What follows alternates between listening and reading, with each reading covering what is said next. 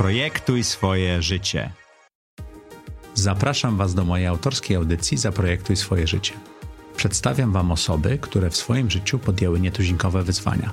Moje pytania nie należą do łatwych, ale inspirują do zastanowienia się nad tym, co nas napędza i dokąd zmierzamy. Odpowiedzi moich gości są mądre biznesowo i życiowo. Pomogą Wam zainspirować się do świadomego i odważnego projektowania swojego życia. Witajcie w najnowszym odcinku audycji Zaprojektuj swoje życie. Naszym gościem dzisiaj jest Iwona Grochowska. Iwono, witam Cię. Dzień dobry. Iwona prowadzi teraz nowy startup, firmę Nice. Całkiem ciekawa historia dojścia do tego mhm. momentu w życiu. Ale czy pamiętasz, kiedy pierwszy raz się poznaliśmy? No, pamiętam bardzo dobrze. Czyli nie pamiętam motywacji, ale wiem, gdzie się spotkaliśmy, chociaż lepiej pamiętam nasze drugie spotkanie. Ale y, pierwszy raz się spotkaliśmy w Ajoli. I to mhm. mój wspólnik mówi, słuchaj, bo Mac to jest taki ciekawy człowiek, weź się z nim spotkaj, on jest taki inspirujący. I ja nawet nie pamiętam, czemu my się wtedy spotkaliśmy. To, zaczęliśmy już o Najsie rozmawiać. Zaczęliśmy rozmawiać o Najsie, tak. Ja ci opowiedziałam historię, ty opowiadałeś swoją historię, ale bardziej pamiętam nasze drugie spotkanie. Które? A nasze drugie spotkanie, tośmy się spotkali przy placu Unii Lubelskiej na kawie. Mhm. A zapamiętałam to spotkanie dlatego, bo ja już wtedy byłam rozpędzona i w takim pierwszym kryzysie, oczywiście naszym startupowym, a tak sobie siedzisz, siedzisz i wiesz co, ja to w tobie takiej energii nie widzę jak za pierwszym razem. I mi to dużo dało do myślenia. No bo to jak się prowadzi ten startup, no. to w pewnym momencie człowiek się ze ścianami zaczyna no zderzać, właśnie. tak? No i tak po pierwsze mówię, kurde, no dobra, to co ja mówię, że, to, że ja tak wyglądam, ale to jakby nie chodziło mi bardziej o wrażenie, co jednak miałam taką refleksję wtedy, że rzeczywiście y, sama wpadłam w taki dołek, nie? że sobie myślę, ja pierdzielę, no to jest właśnie ten moment w tym startupowym naszym życiu, że y, może mi brakuje tej energii, nie? Takiej, A ile razy drive'a. od początku Nice'a miałaś ten dołek? O Jezu, to ostatni taki dołek poważny miałam w zeszłą jesień. Okej. Okay. My się tym zajmujemy już z 3 lata. To jest takie, nie wiem, cztery poważne, to bym zaliczyła. Ale to są takie górki i dołki. Ja już się do tego przyzwyczaiłam, ale naprawdę cztery takie momenty ważne zarejestrowałam w tym naszym startupowym życiu, że no, uznałam, że to jest taki moment, że sobie zadać, e, postawić znak zapytania i, i sobie zadać e, takie serio pytanie, czyli co robimy, co robimy dobrze, co robimy źle, czy my się musimy odwrócić, zwrócić, bo jednak jestem człowiek akcji więc to nie chodzi o to, że to były takie momenty zwątpienia, co raczej takiego wstrzymania i takiego popatrzenia trochę jeżeli w ogóle można na to popatrzeć tak trochę z oddalenia, no nie? ale złapania takiej perspektywy pod wpływem różnych impulsów, często jednak zewnętrznych i takiego review, no nie? czyli co się dzieje. Podcast i nasza audycja jest o projektowaniu życia. Mhm. To powiedz mi, jak wyglądało tej pory projektowanie twojego życia? No to ja przez wiele lat byłem takim tchórzem. Myślę tak o sobie dzisiaj, bo... Tchórzem to bardzo silne słowo. No silne, bo ja tak dzisiaj o sobie myślę mhm. z tamtych lat.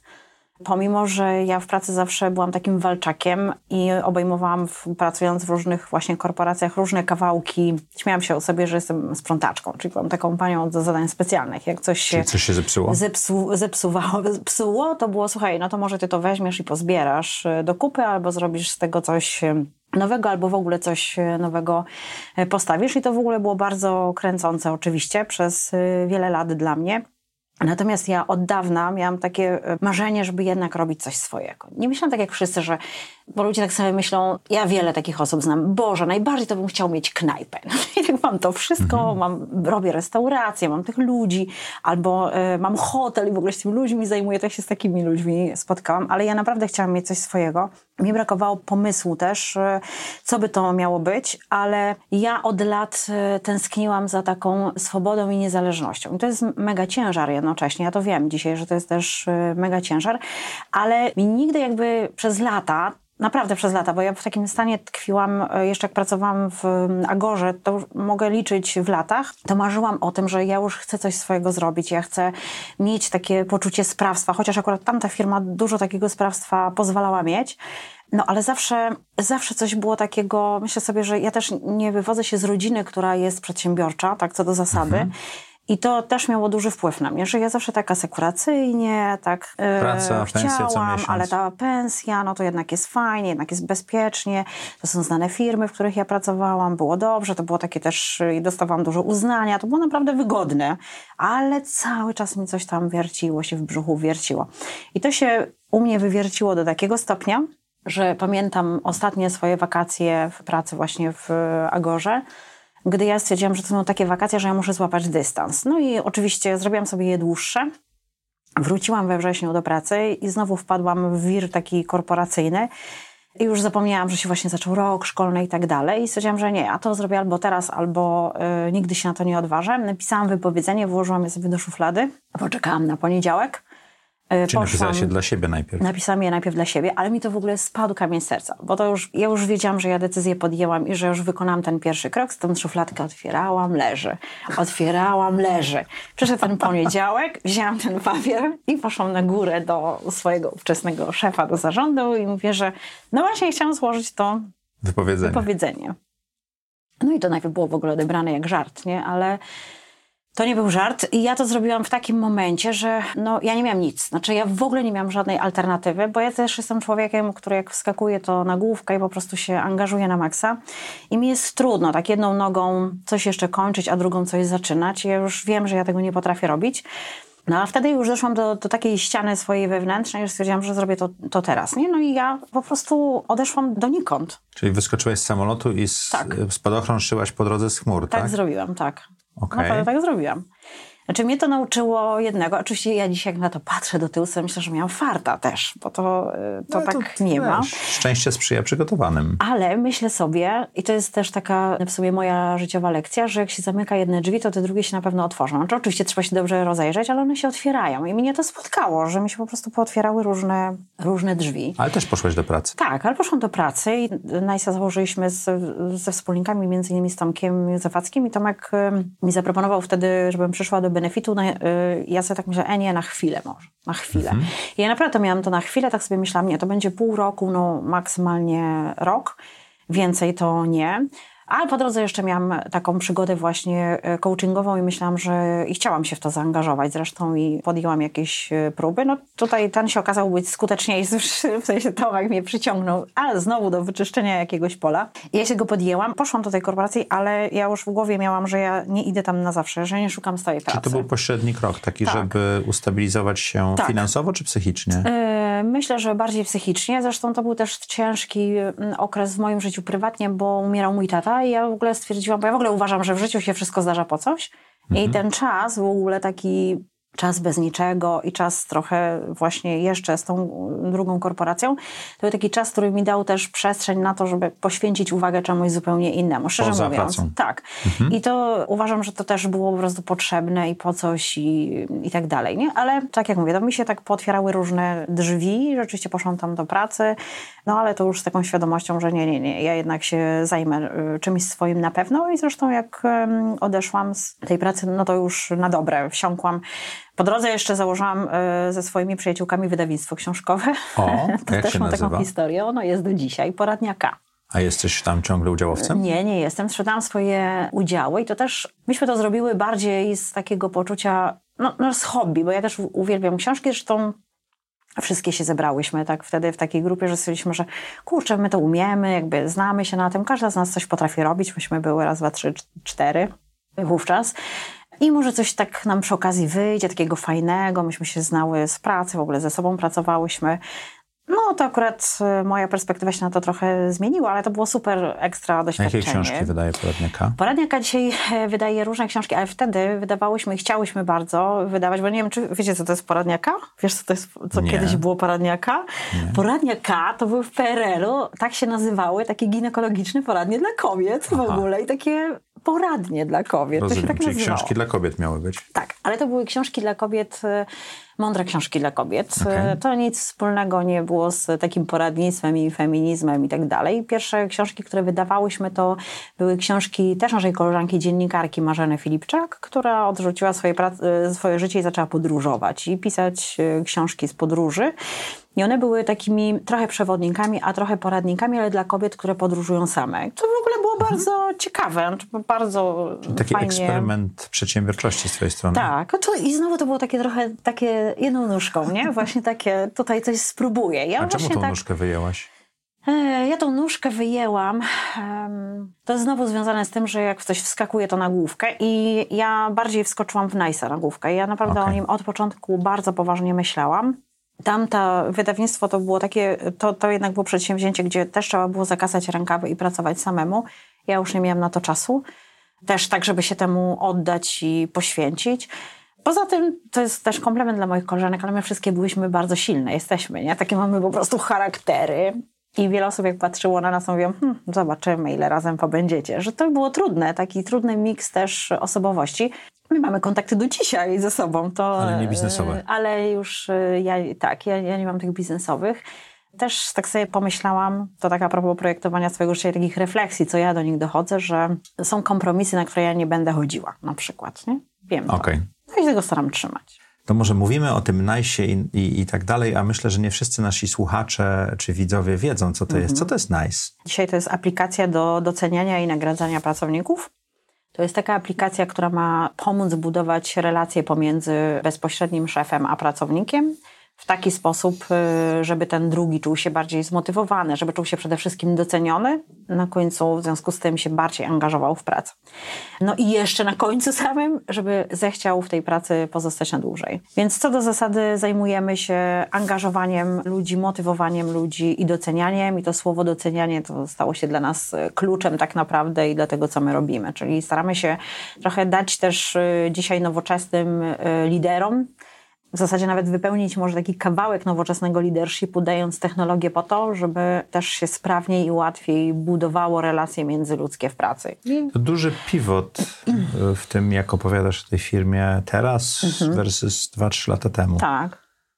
Tak. Z czego to wynika? No to też jest y, właśnie ciekawe. Znaczy nas szybko dość rynek zweryfikował y, mhm. i już się okazało, że to, co myśmy chcieli robić, czyli trochę po nowemu proponować świat benefitów, to nie jest to, co jest takie crucial dzisiaj w pracy i to, czego naprawdę firmy potrzebują i nie jest to specjalnie wyróżniające, choć myśmy myśleli, że mamy fajny model biznesowy na początku, ciekawy, jakby transparentny dla pracodawców, to okazało się, że to nie to jest ten języczek uwagi i że jednak to zaangażowanie, właśnie ten rodzaj relacji który ma spowodować wzrost retencji na końcu pracowników, to to jest ten kluczowy problem dzisiaj pracodawców. Nie? I coraz więcej firm o tym mówi. Czyli z rynku ten tak. pivot przyszedł, z rozmowy On przyszedł z, z rynku, tak. On przyszedł z rynku. My się dosyć szybko zorientowaliśmy, że po prostu powinniśmy skręcić i również wykorzystać świat benefitów po to, żeby on był mądrze zorganizowany, żeby benefity były mądrze dystrybuowane i żeby służyły tej, tej nie sprawie prościej dać gotówkę pracownikowi? Proszę, czy nie, nie prościej? prościej dać gotówkę pracownikowi? E... Premię? A nie, no w sensie takim fizycznym prościej. Okay. A w sensie mentalnym nie prościej, bo jednak gotówka to z badań wynika jej świadomość żyje trzy miesiące nie? w głowie pracownika, więc Aha. to jakby jest jedna rzecz. Po drugie, to co my widzimy, nawet oferując dzisiaj aplikację, bo ona też jest bardzo taka transparentna dla szefów, to jednak my widzimy, że to wcale nie ta kwota na końcu ma znaczenie dla ludzi. Im młodsi ludzie, tym mniejsza, mniejsze ona ma znaczenie. I to nieważne, czy tam jest 50 zł, czy 500, ważne jest to, co ten szef do człowieka napisze, powie w, tym, w, tej, aplikacji. w tej aplikacji. Tak. I to jest to coś, co jest najistotniejsze. I zwłaszcza... Taki wirtualny dyplom. To jest taki wirtualny dyplom, tak. To jest taki wirtualny dyplom, to jest takie wirtualne, hej, ja ci widzę i doceniam twoją pracę, nawet e, w drobiazgach i to jest nie do przecenienia, uważam.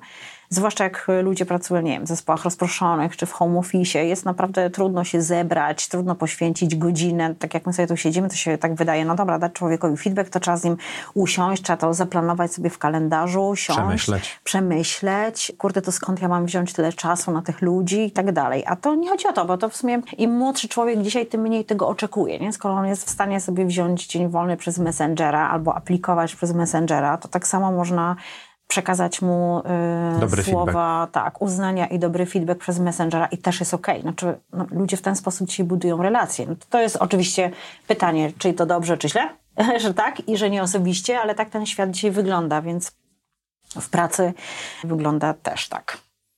Okej, okay, to jak już wiemy, co to jest NICE, to ja chciałbym wrócić do tego projektowania twojego życia. Mhm. Jesteś w Benefit System, otwierasz wydawnictwo. Mhm. Skąd pomysł na taki startup? Skąd pomysł na startup?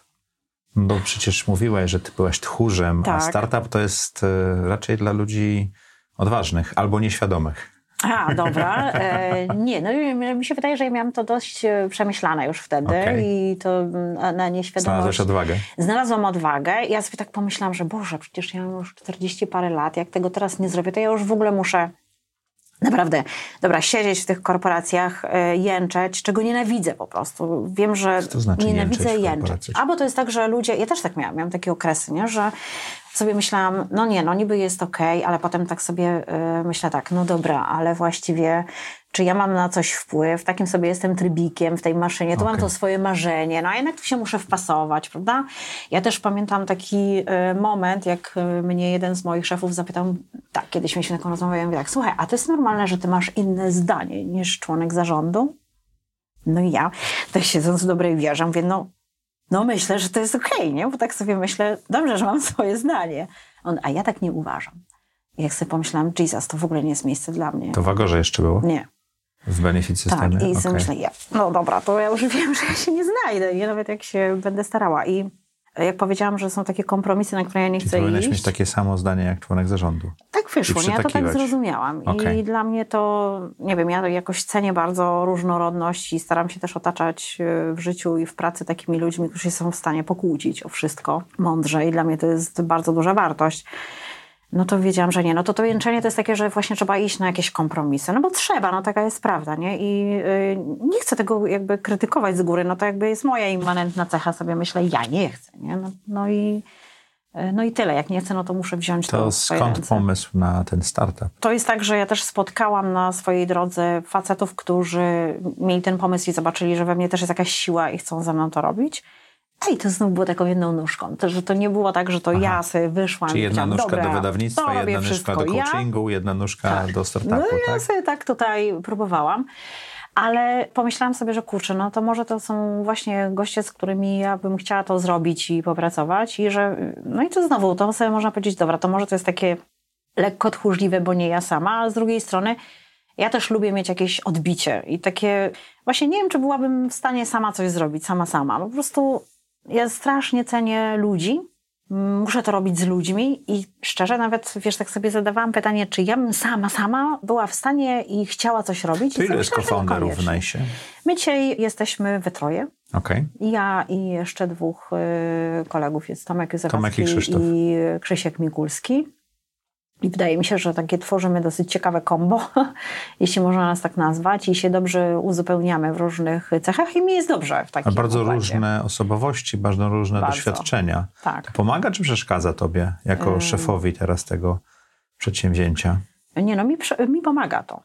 Mhm. E, Mnie to pomaga, bo e, ja sobie myślę, że na przykład Krzysztof u nas ma dość e, unikalną wiedzę i wywodzi się z takiego świata, który był mi kompletnie obcy, na przykład takiego inwestycyjnego. Ja jestem z, jakby z innej bajki, właśnie ten coaching jest mi bliższy i praca z ludźmi jest mi bliższa i produkt i tym się potrafię zająć, a na przykład ten świat jest mi obcy i to, że jednak funkcjonujemy my w takich warunkach dużego zaufania mi daje taką swobodę i komfort, że mamy kawałek bardzo ważny naszej firmy zaopiekowany. Nie? I to jest, e, że się dobrze podzieliliśmy.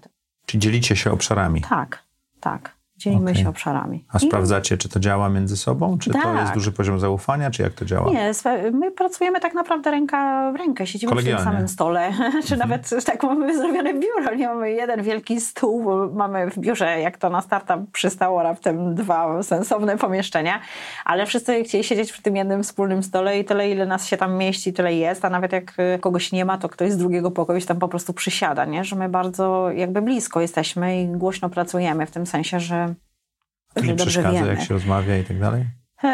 No, To kwestia przyzwyczajenia to jest już. kwestia przyzwyczajenia. Czy jasne, że jak potrzebujemy wykonać e, telefon, no to się musimy od tego stołu oddalić, no nie? Ale tak, e, to jest duża wartość, e, tak, że my jednak siedzimy przy tym stole i dużo bardzo rozmawiamy i pracujemy ręka w rękę. Do tego stopnia, że nawet sobie przecież też sobie mówimy, dobra, no jak chcemy bardzo efektywnie popracować sami, no to lepiej mnie się również pracuje z domu. Czyli ja sobie wtedy robię listę, pach, pach, pach, nic mnie nie rozprasza. Jestem w stanie się lepiej zorganizować, ale jednak wszyscy, jak jeden mąż, lgną do tego stołu, nie? No i tam po prostu są. No i, No taka kultura wyszła z tego, i tak? taka wyszła z tego e, fajna kultura, więc to, to jest fajne. I to, że ludzie mówią, nie, nie, nie, no tak, ale przyjdę, nie, jutro to ja będę w biurze, że właśnie ja potrzebuję posiedzieć przy tym stole. Nie? Jak wygląda twój typowy Super. dzień?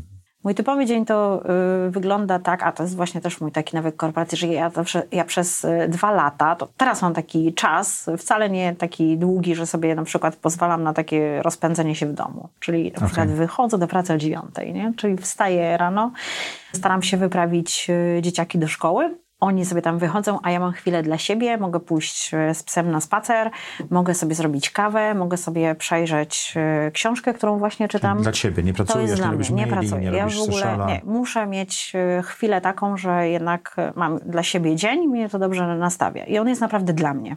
No i tak koło dziewiątej wychodzę, ja jeżdżę komunikacją miejską, więc czas do biura mam na Czytasz. sprawdzenie e, poczty swojej. I ja w tramwaju to robię. Sprawdzam szybko pocztę, sprawdzam Slacka, co się u nas dzieje. E, sprawdzam sobie właśnie nasze sociale. To jest takie view w tym tramwaju. Nie, no ja już wychodzę z tramwaju, to jestem mm, taka przygotowana na do bieżąco. dnia i jestem w miarę na bieżąco. Więc po dziewiątej, sporo po dziewiątej jestem teraz w pracy, no i już wsiąkam w ten wir. Trudno powiedzieć, kiedy dzień się kończy. Staram się wyjść z pracy jeszcze tak, żeby mieć czas dla dzieci, bo to jest tak, że ja mam córkę, która robi teraz maturę i kilkunastoletniego syna i jakoś cenię te wieczory razem. Ale potem e, strasznie lubię, jak się zaczyna wieczór. Dla mnie to jest wieczór często z pracą. Ale ja tego tak Czyli e, nie dzielę. wieczorem? Tak, pracuję Tam wieczorem. Po 21 jakoś tak? Tak. I to jest zwykle tak właśnie około 21. Ja nawet lubię zimy przez to. Znaczy w sensie, że jest o. ciemno. Zaczyna się ten wieczór. Nic mnie tam nie kusi, że rower, że coś Aha. tam. Tylko tak jest, że się już jakby dom uspokoi, każdy się zajmuje swoimi rzeczami. A to jest wtedy czas twórczy, czy czas e, odtwórczy? A czy twórczy. Ja to, jestem to jest... bardziej nocnym człowiekiem. Okay. I ja lubię mieć wieczór dla siebie i właśnie popracować sobie wtedy. Gdy mam coś na przykład napisać, przygotować jakiś materiał albo coś przemyśleć, no to ja sobie lubię usiąść, ale ja muszę mieć swoje miejsce. To nie jest tak, że się roz, rozkładam się na kanapie, mam swoje biurko jakby w domu i mam zorganizowany swój kąt i wtedy tam po prostu lubię sobie usiąść i popracować. Muszę przyznać, że ten kawałek pracy jest przyjemny dla mnie. Nie? Tak to nie jest tak, że to jest dopust Boży, że Boże, muszę teraz wieczór na to poświęcić, tylko to dość lubię i to jest taki rzeczywiście twórczy czas. Nie? Że już najszybciej wtedy, ja najszybciej wtedy pracuję i mi przychodzą różne pomysły do głowy. A jak długo pracujesz? To bywa różnie. Mam takie dni, że sobie tak posiedzę godzinę, półtorej, ale zdarza mi się, że tak potrafię posiedzieć do drugiej. Aha, to zależnie od weny i... Tak, naprawdę, co robię? Od weny czy od na, od natłoku pracy? Od weny. Natłok pracy, jak ja mam natłok pracy, ja sobie staram się planować e, to, co mam robić i po prostu odhaczać, to ja jakoś mieszczę te rzeczy szybciej, czy lepiej wtedy okay. idzie. Jak mam natłok, to, to po prostu mam taki, muszę sobie zrobić taką checklistę i odkreślać kolejne rzeczy. Ale jakby nie, z tym nie mam kłopotu, nie? Bardziej tam to już wena idzie. Trochę znana prawda z restauracji, jak jest tłok, to jedzenie jest lepsze. O tak? właśnie. No jak jest mało, to nigdy nie wiadomo, co się dostanie. No, tak? To trochę prawda. tak to działa. Trochę A tak. ta przygoda z coachingiem po drodze, bo gdzieś tam pomiędzy Mhm. skończyłaś kurs czy studia mhm. i zostałaś coachem. Mhm. Co to było? Bo ja w ogóle z pierwszego wykształcenia jestem psychologiem. Mhm. I, I pracowałaś w sprzedaży. Pracowałam w sprzedaży, tak, pracowałam w sprzedaży. Pracowałam w sprzedaży, potem tą sprzedażą zarządzałam, mm, ale potem mi to było równolegle z poradnią K. Myślałyśmy o tym koncepcie, to chciałyśmy, żeby to była taka firma, która się zajmuje z jednej strony książkami dla kobiet i wydaje książki dla kobiet, ale z drugiej jest jednak takim wsparciem dla kobiet. I nam z tego wyszedł też pomysł coachingowy i to był wtedy taki moment, że ja Rzeczywiście współpracowałam bliżej z Wojtkiem Hamanem i z OSH Kontrakt i oni prowadzą taką szkołę jakby coachingu narzędziowego i ja tam ją skończyłam ale bardziej właśnie po to, żeby prowadzić grupy kobiece. I mhm. to znowu było w sumie kilka lat też y, takiej pracy, gdy ja to robiłam całkiem pro publico bono. Organizowałyśmy grupy chętnych y, kobiet, często były to weekendy, początkujące liderki. To, to w ogóle nie było, taki, y, nie było takie częste zjawisko jak teraz, bo teraz to się dużo mówi o tych, zresztą są już organizacje, które wspierają kobiety i tak dalej i zajmują się tym bardzo systemowo. Wtedy tak nie było. I myśmy rzeczywiście miały natłok na tych grupach, zwłaszcza weekendowych, głównie początkujących liderek, które próbowały się osadzić na rynku i y, jakoś budować ten swój leadership. Z tego potem mi wyszło też y, sporo takiej indywidualnej pracy. I muszę powiedzieć, że to też była no, dla mnie bardzo duża satysfakcja, więc w sumie to, co ja teraz robię, to jest trochę to. Znaczy ja cały czas pracuję w takich relacjach w pracy, nie z relacjami w pracy. Z pracownikami, I, z klientami? Tak, z pracownikami, y, z menedżerami. Często nawet jak my NICE'a wprowadzamy do firmy, to robimy warsztaty dla menedżerów i ja to w ogóle w tym się czuję jak ryba w wodzie. A wtedy ty, ty, ty tak, jesteś tym wykładowcą? tak. A. I to jest w ogóle mega dla mnie satysfakcjonująca historia. Mega. I to jest to, co po drodze gdzieś między Agorą a tak, Najsem udało ci tak, się zdobyć, tą tak, wiedzę i doświadczenie. Tak, dokładnie tak. I to jest takie, wiesz, no to tak jak mówię, to ja to robiłam bardziej, bo naprawdę to lubiłam. Mnie też e, samą to mnie ukształtowało jako menedżerkę. Muszę to powiedzieć też, że mi Ten dużo to dało. kurs, czy te W ogóle to, co ja robiłam, te rozmowy okay. z ludźmi, nie? że to jednak było źródło dla mnie takiej refleksji, bo ja już byłam praktykiem, byłam szefową z praktyką w korporacjach wówczas, więc sama się mierzyłam z różnymi rzeczami, sama się próbowałam rozprawić ze sobą jako liderką i menadżerką. to wcale nie jest proste w przypadku kobiet. To jest taka też odwieczna dyskusja, no nie? Czy to jest dobrze, że my siebie określamy jako kobiety w biznesie, czy co to powinno być? Czy to w ogóle ma znaczenie, czy nie? Czy tylko merytoryka ma znaczenie, czy nie? A co jest z naszą osobowością? No bo jednak ją mamy, swoją własną specyfikę. Czy my się powinniśmy tego przyznawać, czy nie? Czy z tego brać, czy temu zaprzeczać? To jest w ogóle ciekawy czas i ciekawe wątki z tego? Ja e, z tego wyciągam takie e, wnioski, że okej, okay, znaczy merytoryka przede wszystkim to jest w ogóle niepodważalna historia, nie? że po prostu musimy mieć wiedzę i kompetencje i co w ogóle jest dla mnie poza absolutną dyskusją. Natomiast nie lubię, gdy kobiety się tak stygmatyzują bardzo i, e, albo odwrotnie, że one tak zaprzeczają że mają swoją naturę, nie? Czy, że mhm. ach, nie, przecież nas właściwie nic nie różni i tylko ta merytoryka i tylko ta merytoryka. Ja tak nie uważam, bo ja uważam, że kobiety, liderki czy menadżerki jednak mają swoją specyfikę. My mamy, to tak będę mówiła, bo przynależę do tej grupy, uważam, że mamy inny rodzaj takiej i empatii, i otwartości na ludzi. Mamy inny rodzaj wrażliwości i to, to jest nasza siła w sumie. Tak uważam ja. Czyli taki amalgamat y, merytorycznego podejścia i bycia i kobiecego podejścia, tak? tak? tak jest uważam. najlepszy, tak? Ja tak uważam i mhm. nie, nie lubię zaprzeczać temu i nie lubię, jak kobiety temu zaprzeczają. My tu, takie charoski, te sztandary, jesteśmy takie same. Mnie, mnie to po prostu wkurza, bo no właśnie to jest takie zaprzeczanie sobie. Ja uważam, że kobiety dzisiaj dużo mają do zaproponowania. Ja znam mnóstwo cudownych babek, naprawdę silnych, które osiągają y, sukcesy, które prowadzą firmy, duże firmy, wielkie firmy, małe firmy i są naprawdę zajebistymi babkami i też y, wygrywają bardzo często tym, że mają tę wrażliwość w sobie, nie? A często to jest tak, nie, nie, no my tutaj, tu zadania, zadania, a to jest nieprawda. I to ja na przykład y, widzę też po sobie, że mi to bardzo dużo daje w budowaniu w ogóle swojego własnego zespołu. Słuchaj, miałaś bardzo ciekawą tą, tą historię, tak jak powiedziałeś, że to była taka, taki dla mnie taki konar, który rozszerzył się. Jak mhm. skończyłaś pracę w Agorze, to próbowałaś i tak. wydawnictwa, i coachingu, i pracy w innej korporacji, i kolejnego mhm. startupu. Jedna z tych gałęzi jakby wystrzeliła bardziej. Mhm. Czego cię to nauczyło? To takie poszukiwanie kierunku. Czego mnie poszukiwanie kierunku nauczyło? No to był kilkuletni proces, prawda? Był, tak, był kilkuletni. To nie jest tak, to właściwie ja zawsze zazdrościłam ludziom, że mają taką ha, ideę i po prostu są w stanie iść i ją robić. To moje życie tak nie wyglądało rzeczywiście. To oczywiście jest moja perspektywa, to jasne, ale ja dzisiaj mam pewność. Znaczy, takie to jest, nie wiem, ja, ja to robię z serca, nie? Takie, myślę sobie, że to jest takie moje, nie? Ja o tym... Um, dojrzały wybór?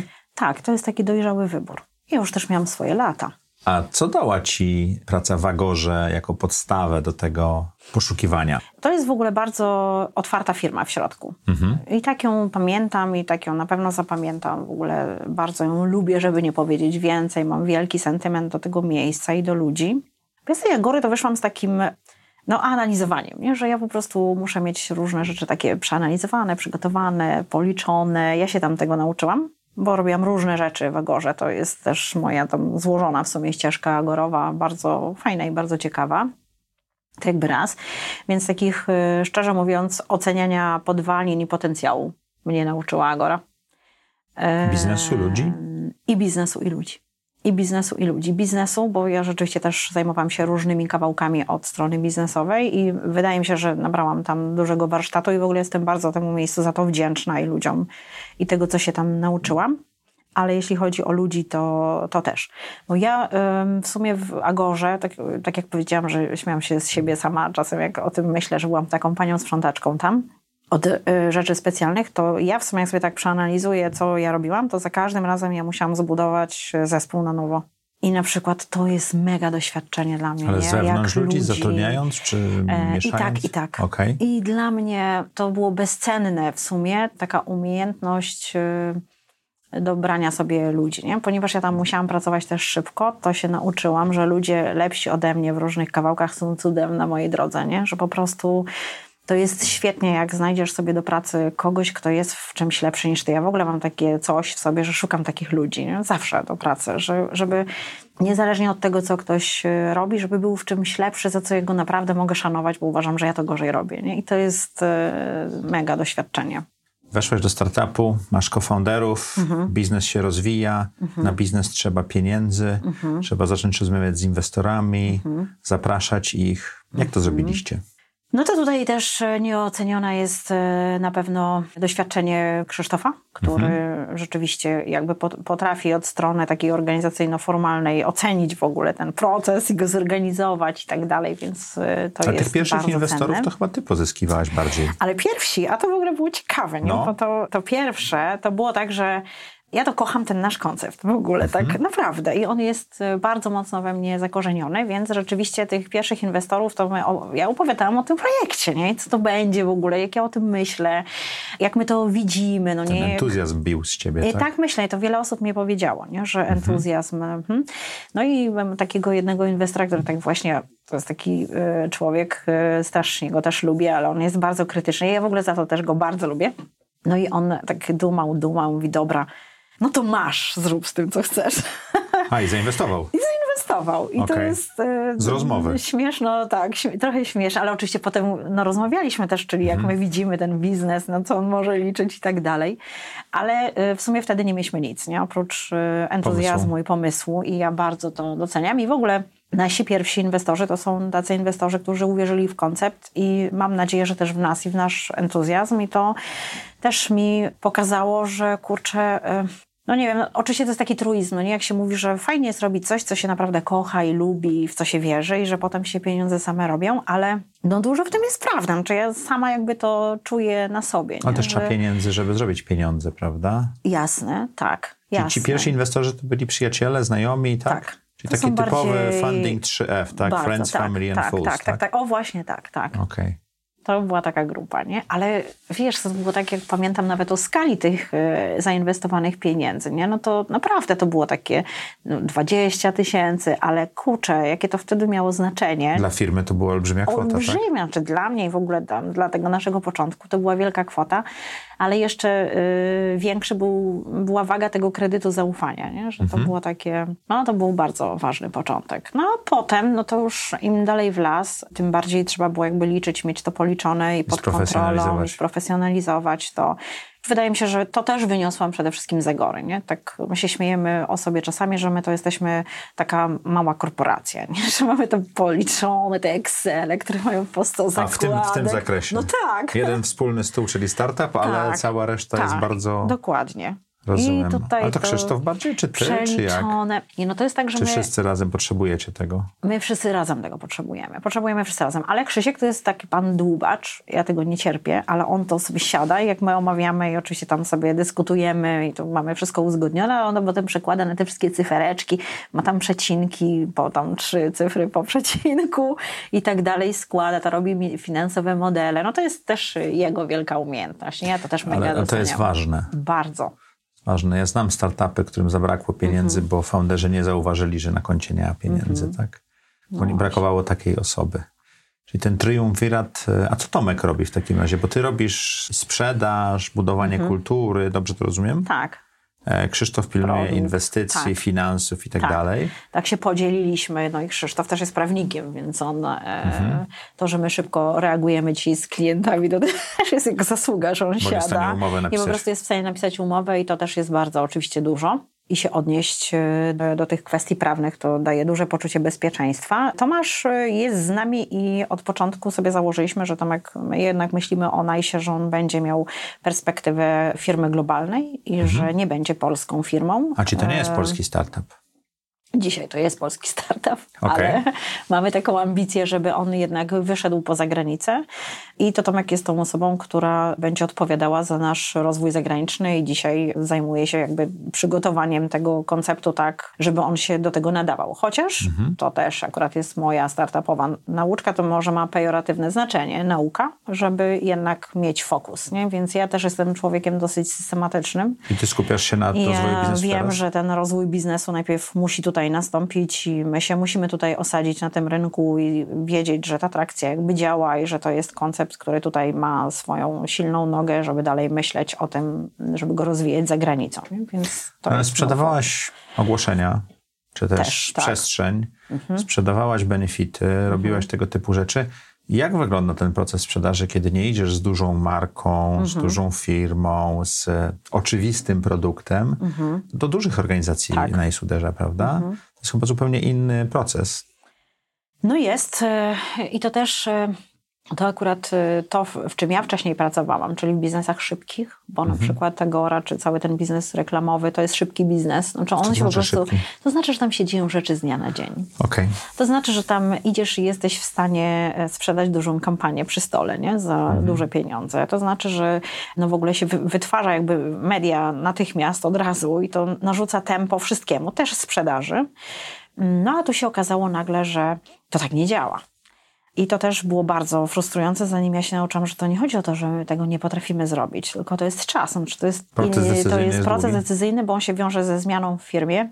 I to z taką zmianą bardzo wrażliwą, bo dotyczącą kultury.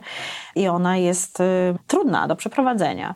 I ten proces decyzyjny też trwa. My dziś pracujemy z, y, i naszymi odbiorcami są przede wszystkim działy HR, a to jest młoda rzecz w Polsce.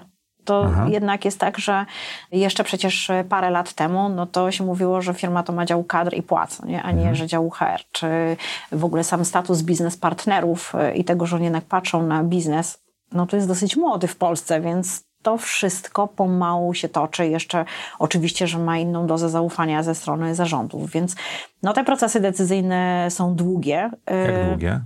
One nawet potrafią trwać rok w dużej firmie. Od momentu pierwszego spotkania do momentu podjęcia Zamknięcie. decyzji, tak? tak? Do, tak, do momentu... Nie wdrożenia. Nie wdrożenia, bo A potem wdrożenie jeszcze potem jest jeszcze wdrożenie miesiące. i potrafi trwać jeszcze kolejne miesiące. To wdrożenie, bo się je robi delikatnie, bo się oczywiście przypatruje komunikację wewnętrzną. Mało jest takich firm, że są w stanie w tych kolejnach i w zakresie właśnie czy komunikacji wewnętrznej, czy przeprowadzania organizacji przez zmianę działać dosyć szybko. Wiem, że takie firmy, i to też już potrafię ocenić, które pracują agile'owo co do zasady, posuwają się szybciej też w tym zakresie.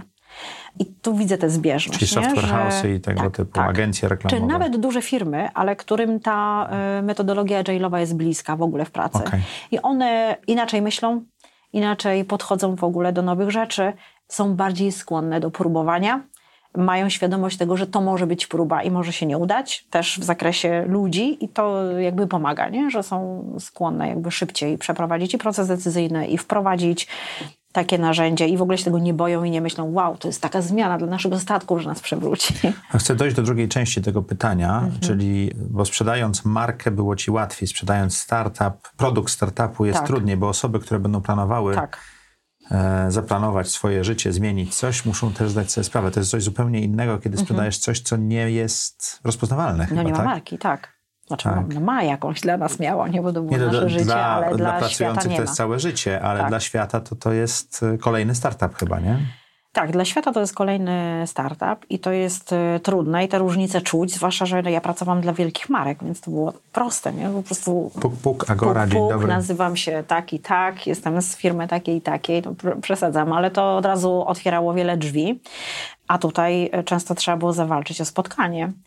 Ale przyznam, że początki były takie, że bardzo pracowaliśmy swoimi nazwiskami. To pomogło. No, jednak gdzieś y, też... Czyli te stare kontakty. Tak, czyli te nasze kontakty, także nas ludzie jako ludzi kojarzyli, prawda, którzy robią coś, a niekoniecznie tylko jako firmę Agore czy firmę Benefit. To pomagało. Poza tym, oczywiście, że na nas y, patrzono też jak na startup, y, natomiast prawdę mówiąc, znowu nam wielokrotnie pomógł entuzjazm, taki osobisty, nie? że jednak opowiadanie o tym w sposób taki wiarygodny, wiarygodny, ale właśnie taki entuzjastyczny, to, to kurczę musi z człowieka wychodzić. Znaczy, tak, ja tak uważam, nie? że jakby możesz osiągnąć sukces, jak naprawdę w to wierzysz i to jest takie, robisz to tak na serio i całym sobą i że to wielokrotnie otwiera drzwi. Nawet w dużych firmach. Oczywiście, to trochę tam potem trwa, no bo nie chcę powiedzieć, że to wystarcza, natomiast po, do rozpoczęcia poważnej jest. rozmowy, tak, i to Czyli taka rada ważne. dla osób, które jeszcze są na, jak ty to nazwałeś, jeszcze mają tchórza w sobie, ale mhm. coś, budowanie tego networku jest bardzo ważne bardzo. i pielęgnowanie tak, go, bo później bardzo. się przydaje, tak? Ale absolutnie tak. I to jest y, nie do przecenienia. Świat jest mały i my tych ludzi spotykamy w różnych y, konfiguracjach i naprawdę ja też szczerze mówiąc, tak postrzegałam swoją, no właśnie Agorę, w której pracowałam, że to była bardzo taka wtedy wsobna organizacja. Może dlatego, że miała właśnie dużą markę, że tak to się wydawało, że hej, jesteśmy dużą firmą, jesteśmy Agorą, może nie musimy aż tego tak robić, nie? No ale nie, to jednak jest tak, że trzeba. Wszędzie, gdzie jesteśmy, nawet jak właśnie pracujemy sobie jeszcze w korporacjach i stoją za nami super ekstra marki, no trzeba budować swoją własną wartość i trzeba ten networking budować, nie? No tak jak mówię, świat jest po prostu mały i potem jak się spotykamy bez tego za plecami, to istniejemy jako ludzie. I to jest, y, wydaje mi się, też bardzo ważne. To może jakaś anegdota też się najbardziej zaskoczyło, kiedy weszłaś gdzieś i ta marka twoja była rozpoznana albo nierozpoznana? O nie, nierozpoznana. Boże, to było takie traumatyczne dla mnie. O to opowiedz, to opowiedz, bo to będzie ciekawa historia. Nie, no bo y, ja muszę powiedzieć, że to było tak... Pamiętam, to było w Łodzi. W mhm. ogóle... Ja, wiecie, już mi było dosyć trudno, wiesz, było mi zejść z takiego piedestału, to nie jest takie proste, bo ja tam byłam wielką panią dyrektor w tych y, korporacjach też, a tu musiałam zacząć robić wszystko. No i wiadomo, nie musiałam sobie zrobić sama w ogóle cały materiał, prezentację, kupić sama sobie umówić spotkanie, kupić ten bilet na pociąg, nie? No i tam jadę. W ogóle Łódź jest dość specyficznym miastem, jak dla mnie tak w ogóle jakoś widzę je mm, inaczej niż inne miasta w Polsce, no ale dobra, już nie wymieniam nazwy tej firmy, no ale umówiłam się na to spotkanie, dzielnie tam sobie jadę. No jestem już e, prawie pod drzwiami, ale do mnie dzwoni pani, która się ze mną mówiła, że nie, ona się dzisiaj nie spotka, bo coś tam, coś tam, nie? No dobra, no trudno, no to zagryzłam e, wargi, wróciłam do tej Warszawy, no mówię, nie, no nie odpuszczę po prostu temu spotkaniu. No i ostatecznie udało nam się skutecznie umówić. Ja tam znów pognałam oczywiście do tej e, łodzi. Nie, nie, nie, już się wtedy spotkałyśmy. Nie, ona tak siedzi, siedzi, tak beznadziejne to jest wszystko. Taki feedback dostałaś. Tak, jest feedback. Beznadziejne jest to wszystko, nie? Ja sobie myślę, ja cieszę, ja to staram się z tym wszystkim na dłoni i tak dalej, no nie? No to staram się zrozumieć, co jest takiego beznadziejnego, bo ja nie odpuszczam, nie? Jestem dosyć człowiekiem szczegółowym i takie też znam mechanizmy, nie? Że... nigdy czegoś takiego wago, że chyba nie usłyszałaś. Nigdy nie, nie usłyszałam czegoś takiego, nigdy. No i wiecie, to jest takie osobiste, znaczy w sensie jak to, może nie, bo to nawet ostatecznie nie było osobiste wcale. I, to dotyczyło produktu. Dotyczyło to produktu, dokładnie tak. Ale jest strasznie trudno to oddzielić w ogóle. Nie, ktoś tak ci powie, to sobie myślisz, nie no, w ogóle straszne to jest, nie, jakoś tak nie, ja pamiętam, ja wróciłam jak zbity pies stamtąd. To było takie spotkanie, po którym ja sobie usiadłam i mówię, nie, w ogóle nie możesz tego brać osobiście kobietą. Czy po prostu zastanów się, co się tam wydarzyło, nie? No i ja sobie to przeanalizowałam. Wróciłam jeszcze raz do niej zresztą, bo jednak wtedy to mnie tak zbiło z pantałyku, że nie rozkminiłam dobrze tego feedbacku. Tak, bardzo, bardzo to ambicjonalnie potraktowałam. Wprawdzie ona nie kupiła tego produktu od nas, ale ja dobrze zrozumiałam, o co jej chodzi. Nie? I w ogóle rozkodowałam całą tą sytuację, że to nie osobiste. A to zmieniło produkt? Nie... I to zmieniło też trochę produkt, tak. I co, firma w końcu produkt. kupiła tą usługę? Nie, jeszcze nie, ale my jesteśmy wciąż w kontakcie. A powiem mało jeszcze. My jesteśmy w takim kontakcie, że jak i ona do mnie, że też mówi pani Iwono, to jak tylko coś nowego, to proszę mi dawać znać, nie? Że ona jest w stanie, ja myślę, że to w ogóle nie jest produkt dla niej, ale z różnych powodów. Natomiast to, co ja od tej osoby mam, to jest to, że ona e, potrafi po prostu przyjrzeć, ona się przygląda tym nowym rzeczom naszym i mówi, co jest fajne, co niefajne. Że ona jest takim po prostu challengerem. Krytyk tak, challenger. Ale to, to dobra jest rzecz. naprawdę bardzo dobra rzecz, nie? Tylko to też wymaga takiej, kurde, pokory. To jest właśnie też to słowo, co weszło na stałe do mojego słownika w startupie. Jesteś pokorna? Nauczyłam się pokory. Mhm. Okay. Z uwagi na wielkość startupu, czy z uwagi na wiek, czy z uwagi na doświadczenia? Chyba y, z uwagi na wszystko, bo to jest tak, że y, najbardziej z uwagi na startup, ale to tak w ogóle życiowo też, nie? Że no po prostu musisz mieć taką pokorę do rynku w ogóle i do mhm. klientów. I oczywiście entuzjazm to jest jedno, ale ta pokora mi pozwala dzisiaj słuchać, co ludzie naprawdę chcą i usłyszeć, co ludzie naprawdę myślą o, o moim produkcie na przykład. To jest y, ważne i w ogóle zapytać o to, a nie a. zwiewać. No, to jest wcale nie takie proste, nie? że na początku, jak próbujesz zwalidować ten produkt, żeby naprawdę zapytać, o co chodzi. I być przygotowanym, że usłyszysz prawdę. Tak, i być przygotowanym, że usłyszysz prawdę. I to jest znowu ta odmiana pokory, bo to jest super, jak słyszysz tą prawdę. Dobrze. Co daje ci najwięcej energii czy satysfakcji w życiu? W życiu? W życiu.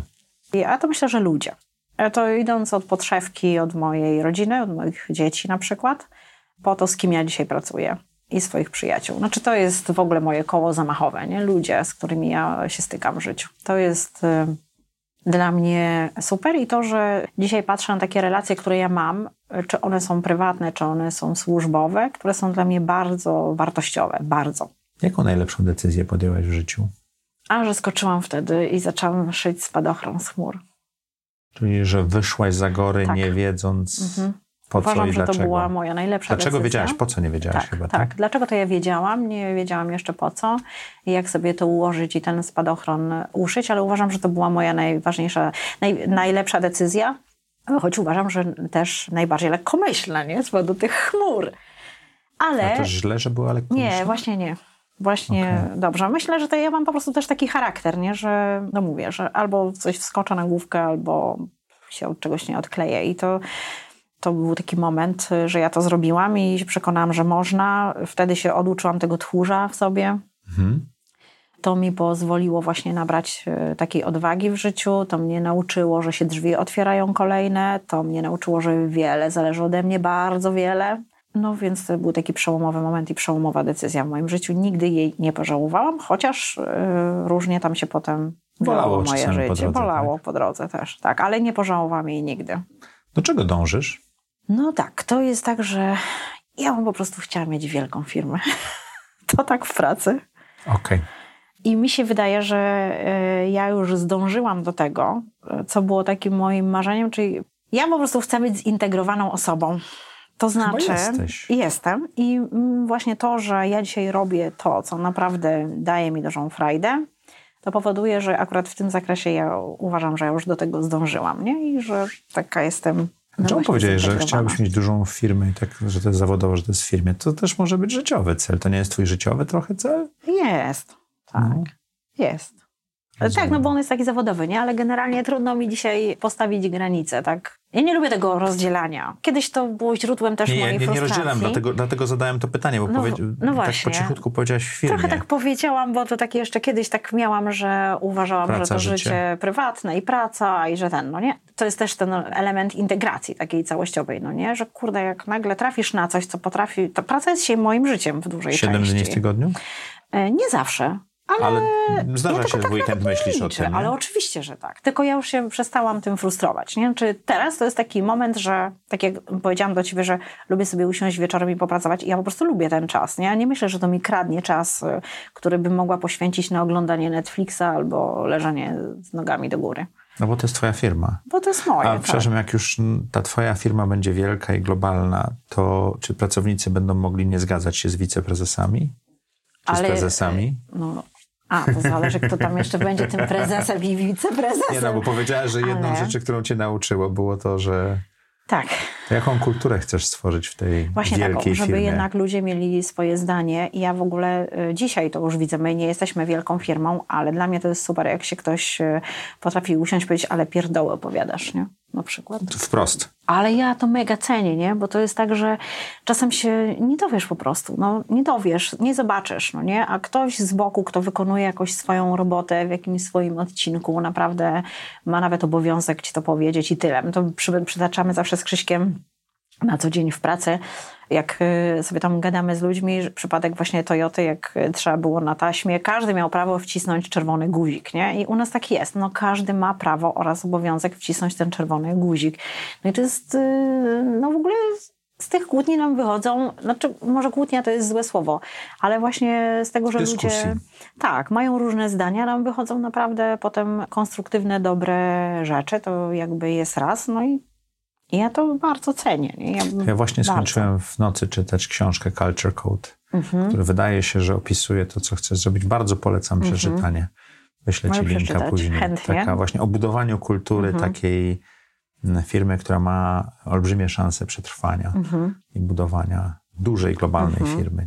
Ja to jeszcze nawet tak patrzę i w ogóle na dzisiaj, nie? że jak kogoś nie ma długo w pracy, bo jest chory czy coś, to taka Kasia, co u nas pracuje, czasem potrafi zadzwonić, ona jest chora i tak, Boże, bym tak chciała przyjść do pracy, ja się stęskniłam za wami. Nie? I że to jest takie... Zupełnie inne niż w korporacji, nie? Dokładnie, że mówię, Boże, kończy mi się zwolnienie, nie? Muszę iść do pracy. Więc to jest e, bardzo fajne, nie? Że, że się Poziom zaangażowania chyba i, i tak. identyfikacji z, e, tak. z kulturą, z pomysłem. Tak. Czy jest coś, co mogłabyś teraz przestać robić, co dałoby ci więcej energii albo polepszyło twój rozwój? W ogóle ja mam od jakiegoś czasu, bo ja jestem dość zachwycona takim życiem minimalistycznym, bym powiedziała, czyli raczej ograniczającym niż. W sensie staram się ograniczać rzeczy, które są pierdołami dla mnie, mhm. mówiąc wprost. Nie? I to, że może tak, co ja bym chciała ograniczyć? Ja sobie myślę, że dziś starannie sobie dobieram ludzi i poświęcam czas ludziom, takim, co uważam, że coś z tego może być. Nie chcę, żeby to zabrzmiało egoistycznie, że tylko wtedy, kiedy coś ja mam e, do wzięcia od nich, ale widzę, że potrafię dzisiaj rozróżnić właśnie takie relacje, na które ja poświęcam dużo czasu, a które są wartościowe w dwie strony i takie, które są pierdołami, zabierają mi czas, na przykład, nie? I to staram się już tam to ograniczać i nie wchodzić w takie w takie relacje, które są stratą czasu dla mnie. To jakby raz. Dwa, ja permanentnie odpuszczam kontrolę. Wow. I to jest y, w ogóle mega challenge dla mnie, ale już się pracy, nauczyłam, że warto. I tu, i tu. Ja kiedyś w życiu miałam tak, że ja po prostu musiałam non-stop nad wszystkim panować, nie? A co się dzieje, jak przestajesz panować? E, no właśnie, a to się lepiej dzieje, w tym sensie, że ja mam więcej czasu, nie jestem taka zmęczona, nie jestem taka zestresowana. To jest moja perspektywa, a perspektywa drugiej strony jest taka, że ten ktoś po prostu robi to lepiej, bardziej odpowiedzialnie. I tego w się nauczyłam też? w domu też. Ja mam już spore dzieci i widzę, że zostawienie im odpowiedzialności nagle im dodaje skrzydeł. I to jest y, bardzo fajne i w pracy widzę to samo. A nie, nie jesteś czasami zawiedziona rezultatem? Jestem, ale ja na to tak nie patrzę. Ja dziś potrafię na to popatrzeć jak na inwestycję, tylko czyli sobie myślę, że to się pomyl, to zrób, tak. Znaczy to pomyl się, to zrób sobie ten błąd. W pracy też tak mam. Znaczy to po prostu mhm. ci nie wyjdzie. Teraz ci nie wyjdzie i drugim razem ci nie wyjdzie, ale moje doświadczenie pokazuje, że za drugim albo za trzecim już wychodzi bardzo dobrze. I to znaczy, że naprawdę warto było jakby zainwestować i odpuścić tą kontrolę.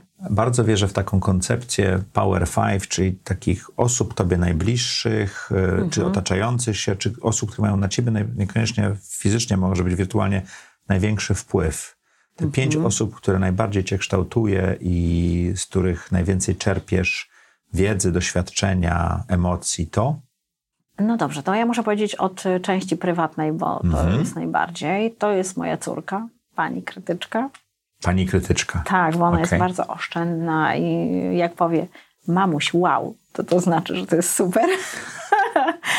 Ale to w niej właśnie bardzo lubię. Mam też swoje dwie przyjaciółki, które są po prostu nieocenione w moim życiu. One sprowadzą mnie zawsze na ziemię i podtrzymają każdą moją determinację. I to jest są też osoby, które po prostu prowadzą kawały biznesów, bym powiedziała, i, i mają na mnie wielki wpływ też, jeśli chodzi o to, kim ja jestem w pracy, jak podchodzę do zadań, e, na moją wytrwałość, na moją ambicję, na mój zapał. To jest bardzo, bardzo ważne. No, miałam kiedyś takiego szefa, którego już dawno ze sobą nie pracujemy, a też w Agorze, który mnie nauczył systematyczności bardzo właściwie mnie tak ukształtował, powiedziałabym, w pracy i mi to zostało bardzo. Takiego warsztatu mnie nauczył po mhm. prostu, który ja bardzo dzisiaj cenię i z którego korzystam i bez którego wydaje mi się, że nie byłabym tu, gdzie jestem.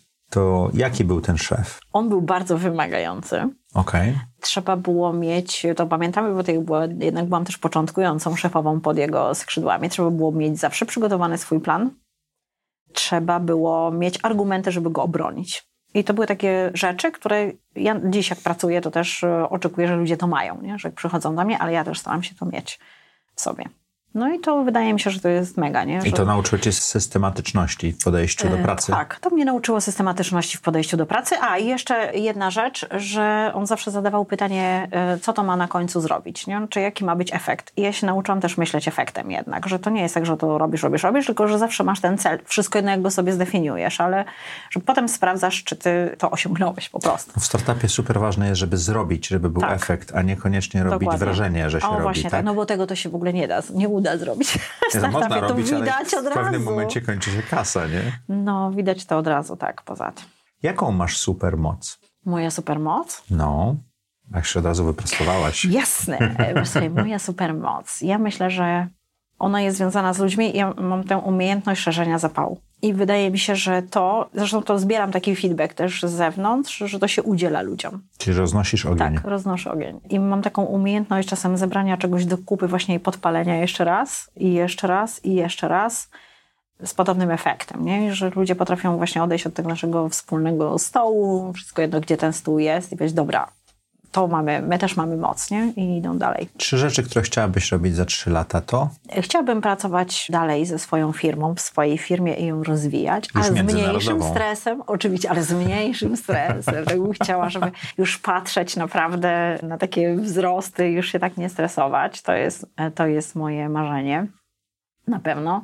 Ja bym dalej e, chciała pogłębiać swoją własną integrację, bo to jest jakieś takie źródło po prostu osobistego szczęścia, nie? I nie walczyć no, ze wszystkim w koło, tylko to jakby brać i wiedzieć i mieć takie poczucie, że mnie to po prostu rozwija jako człowieka. No ale chyba najbardziej to bym właśnie też, no chciałabym po prostu rozwijać swoją firmę. Chciałabym bardzo, nie? Chciałabym. Okej. Okay. To pierwsza i, I trzecia rzecz to to samo widzę. Wiem, no. A to dobrze, no. To wiesz, czego chcesz. No wiem, wiem, wiem. To mi robi dobrze na głowę generalnie w życiu. Mi to dobrze robi też. Na dzieci moje też widzę, że to dobrze robi też. Nie? To Czego nauczyłaś okay. się w 2018 roku? Cierpliwości i pokory. A czego teraz się uczysz? Teraz y, dalej się uczę cierpliwości. Mhm. Już się nauczyłaś, a jeszcze się uczysz? No, cały czas się uczę. Okay. Myślę, że tak. To po prostu co i już mnie zaskakuje jakiś front i to jest ważne. I mi się wydaje, że takiej też, że też uczę się determinacji wciąż, że po prostu no kurde, trzeba trzymać swoje, nie? Robić swoje. I to jest, e, e, wydaje mi się, że to jest mega ważne żeby tak trzymać fokus, a jeszcze taki fokus, no to może zamienię sobie to trzecie, żeby było inne, to jednak skupienia. Znaczy, że po prostu skupiasz skupienie. się na jednej rzeczy i próbujesz ją robić, a nie się rozpraszasz na dziesięć. Po prostu starasz się Czyli zrobić coś do końca. O nie, to ja już się z tym właśnie pożegnałam. A jakieś triki, mi, żeby pożegnać się z multitaskingiem, który mi i słuchaczom pewno nie wychodzi? Yy, Niektórym? Ja na przykład robię tak. To trochę nauczyłam się tak planować też swój dzień pracy. Mhm. Ja mam notes, mam nawet taki, kupuję sobie zwykle piękny tak, planer, bo lubię taki, akurat to lubię, mam papierowy e, planer, robię sobie plan dnia. Potem się zastanawiam, czego mogę nie robić w tym planie dnia. Wywalam to, co uważam, że naprawdę nie muszę, bo mnie to zaśmieta. Czyli pozbywasz się rzeczy? Pozbywam się tych rzeczy. Czyli spisujesz wszystko i części się pozbywasz? Tak. I wow. spisuję to i oczywiście wtedy mi wychodzi lista 17, 27 tak, na tak, przykład. Tak. Więc myślę, no dobra, dobra, dobra, czyli sprawdźmy, co ja naprawdę dzisiaj muszę zrobić yy, i na co poświęcić swój czas, resztę po prostu wywalam z tego. Ale przepisujesz dalej, czy wywalasz? E, to różnie. Często jest tak, że ja albo, że ja to całkiem, całkiem po prostu przestaję to robić. Czyli decydujesz nie? się, że nie będziesz czegoś robiła. Czyli decyduję się, że na przykład nie będę czegoś robiła. I to dotyczy, kurczę, nie wiem, nawet jak myślimy o swoim produkcie, jak ja myślę, to też sobie tak, jakbym sobie zrobiła listę życzeń, co uważam powinno się tam wydarzyć, to by tego było mnóstwo i wszyscy byśmy mieli roboty popachy. A jednak sobie mówię, dobra, to myślę w jakiejś perspektywie czasu, a teraz się zajmujemy tylko tym, resztę tam wywalam. I z dnia też tak mam, że... To jest mega. Że usuwam te rzeczy. Okay. I to w ogóle też dobrze codziennie. robi na głowę. I robię to codziennie, tak. Ja to robię codziennie, w tymże swoim kajeciku. Mało tego, ja sobie kupiłam też taki planer i strasznie to lubię. To jest może trochę śmieszne, ale dla mnie wcale nie mi to pomaga, że ja mam też taki planer, który mi pozwala zaplanować rok, miesiąc i dzień. I tak planujesz? I ja to mam, tak. I mam ten rok zaplanowany i tam sobie staram się z takich krytycznych rzeczy mieć też wybranych kilka, nie więcej niż pięć takich ważnych. Planuję sobie miesiąc i potem sobie planuję dni, no nie? I staram się naprawdę głównie z tych dni usuwać, usuwać rzeczy i sobie zadać pytanie, czego nie muszę robić. To jest jakieś ważne. No i to, jak ja sobie zrobię taką selekcję, to jednak to też mi pozwala utrzymać e, fokus na tym, co jest naprawdę ważne, nie? Czy ja sobie często zadaję pytanie, co cię posunie do przodu? I na to się decyduję. I często sobie zadaję pytanie, a co to w ogóle tylko przemieli twoją energię, nie? I na końcu nic z tego nie będzie, albo to jest, ten efekt jest w ogóle nie wart tej uwagi, to to wyrzucam. Co cię posunie do przodu? Tak, tak, i to jest, wiesz, co mnie posunie do przodu, co cię, jeszcze powinnam powiedzieć, co cię szybciej posunie do przodu, bo to jeszcze szybkość też ma znaczenie u nas, nie? Książka, która? Jest napisana pięknym językiem. Okej. Okay. Jest dla mnie największą przyjemnością. Okej. Okay. A jakaś konkretna? Tak, nawet taką mam. Ja uwielbiam czytać Pamuka, mhm. E, właśnie za jego język. Mhm. E, jest taka książka, nazywam się Czerwień mhm. E, którą uwielbiam i często do niej wracam i sobie ją podczytuję, ponieważ to jest książka o, nie wiem, kolorach, emocjach, smakach, Czyli zapachach. Bardzo szeroki język, tak? Tak, i po prostu jest napisana dla mnie pięknym językiem. Co chciałabyś, żeby nasi widzowie i słuchacze zapamiętali z tej rozmowy? Generalnie właśnie warto zadbać o swoją integrację i robić w życiu to, co naprawdę sprawia człowiekowi frajdę, bo to drugie jest warunkiem tego pierwszego. No i to jest źródłem dużego szczęścia. Tak w ogóle. Ja uważam, że żyjemy po to, żeby z zasady być szczęśliwymi. Jeżeli to jeszcze y, pozwala nam robić coś y, fajnego w pracy, to w ogóle jest super. Żeby szukać skupienia i fokusu na rzeczach naprawdę istotnych i eliminować to, co jest właśnie pierdołami i stratą energii. I żeby sobie często zadawać pytanie, y, właśnie co cię szybciej posunie do przodu. Wszystko jedno, o czym my myślimy, czy to o pracy, czy to o życiu. Może jeszcze, żeby nie być tchórzem? A, tak powinnam powiedzieć. Właśnie, bo ja o tym zapomniałam. Ja to w sumie tak mało to w sobie doceniam, ale... Um, no, zrobiłeś wielki krok. Ale tak, żeby zapamiętać, że kurde, nawet jak się wszystko rozpierniczy, to zawsze są drzwi, które się otworzą. Nie? Że jednak warto skoczyć i pomyśleć o tym, że jak się coś kończy, to nie jest tylko takie powiedzenie, sama tego doświadczyłam wielokrotnie, to coś drugiego się zaczyna. I to coś o wiele fajniejszego zwykle. Dziękuję Ci ślicznie. Dziękuję. Dziękuję Wam za uwagę. Jeżeli dotrwaliście do tego miejsca, to pamiętajcie, projektując swoje życie, nie należy być tchórzem, należy skoczyć, niekoniecznie ze spadochronem. Coś się na pewno, jakieś drzwi się otworzą. Albo zrobi się spadochron z chmur. Albo zrobi się spadochron z chmur. Jak e, zwykle zapraszamy Was co czwartek o czwartej na kolejny odcinek. Dziękuję Wam ślicznie.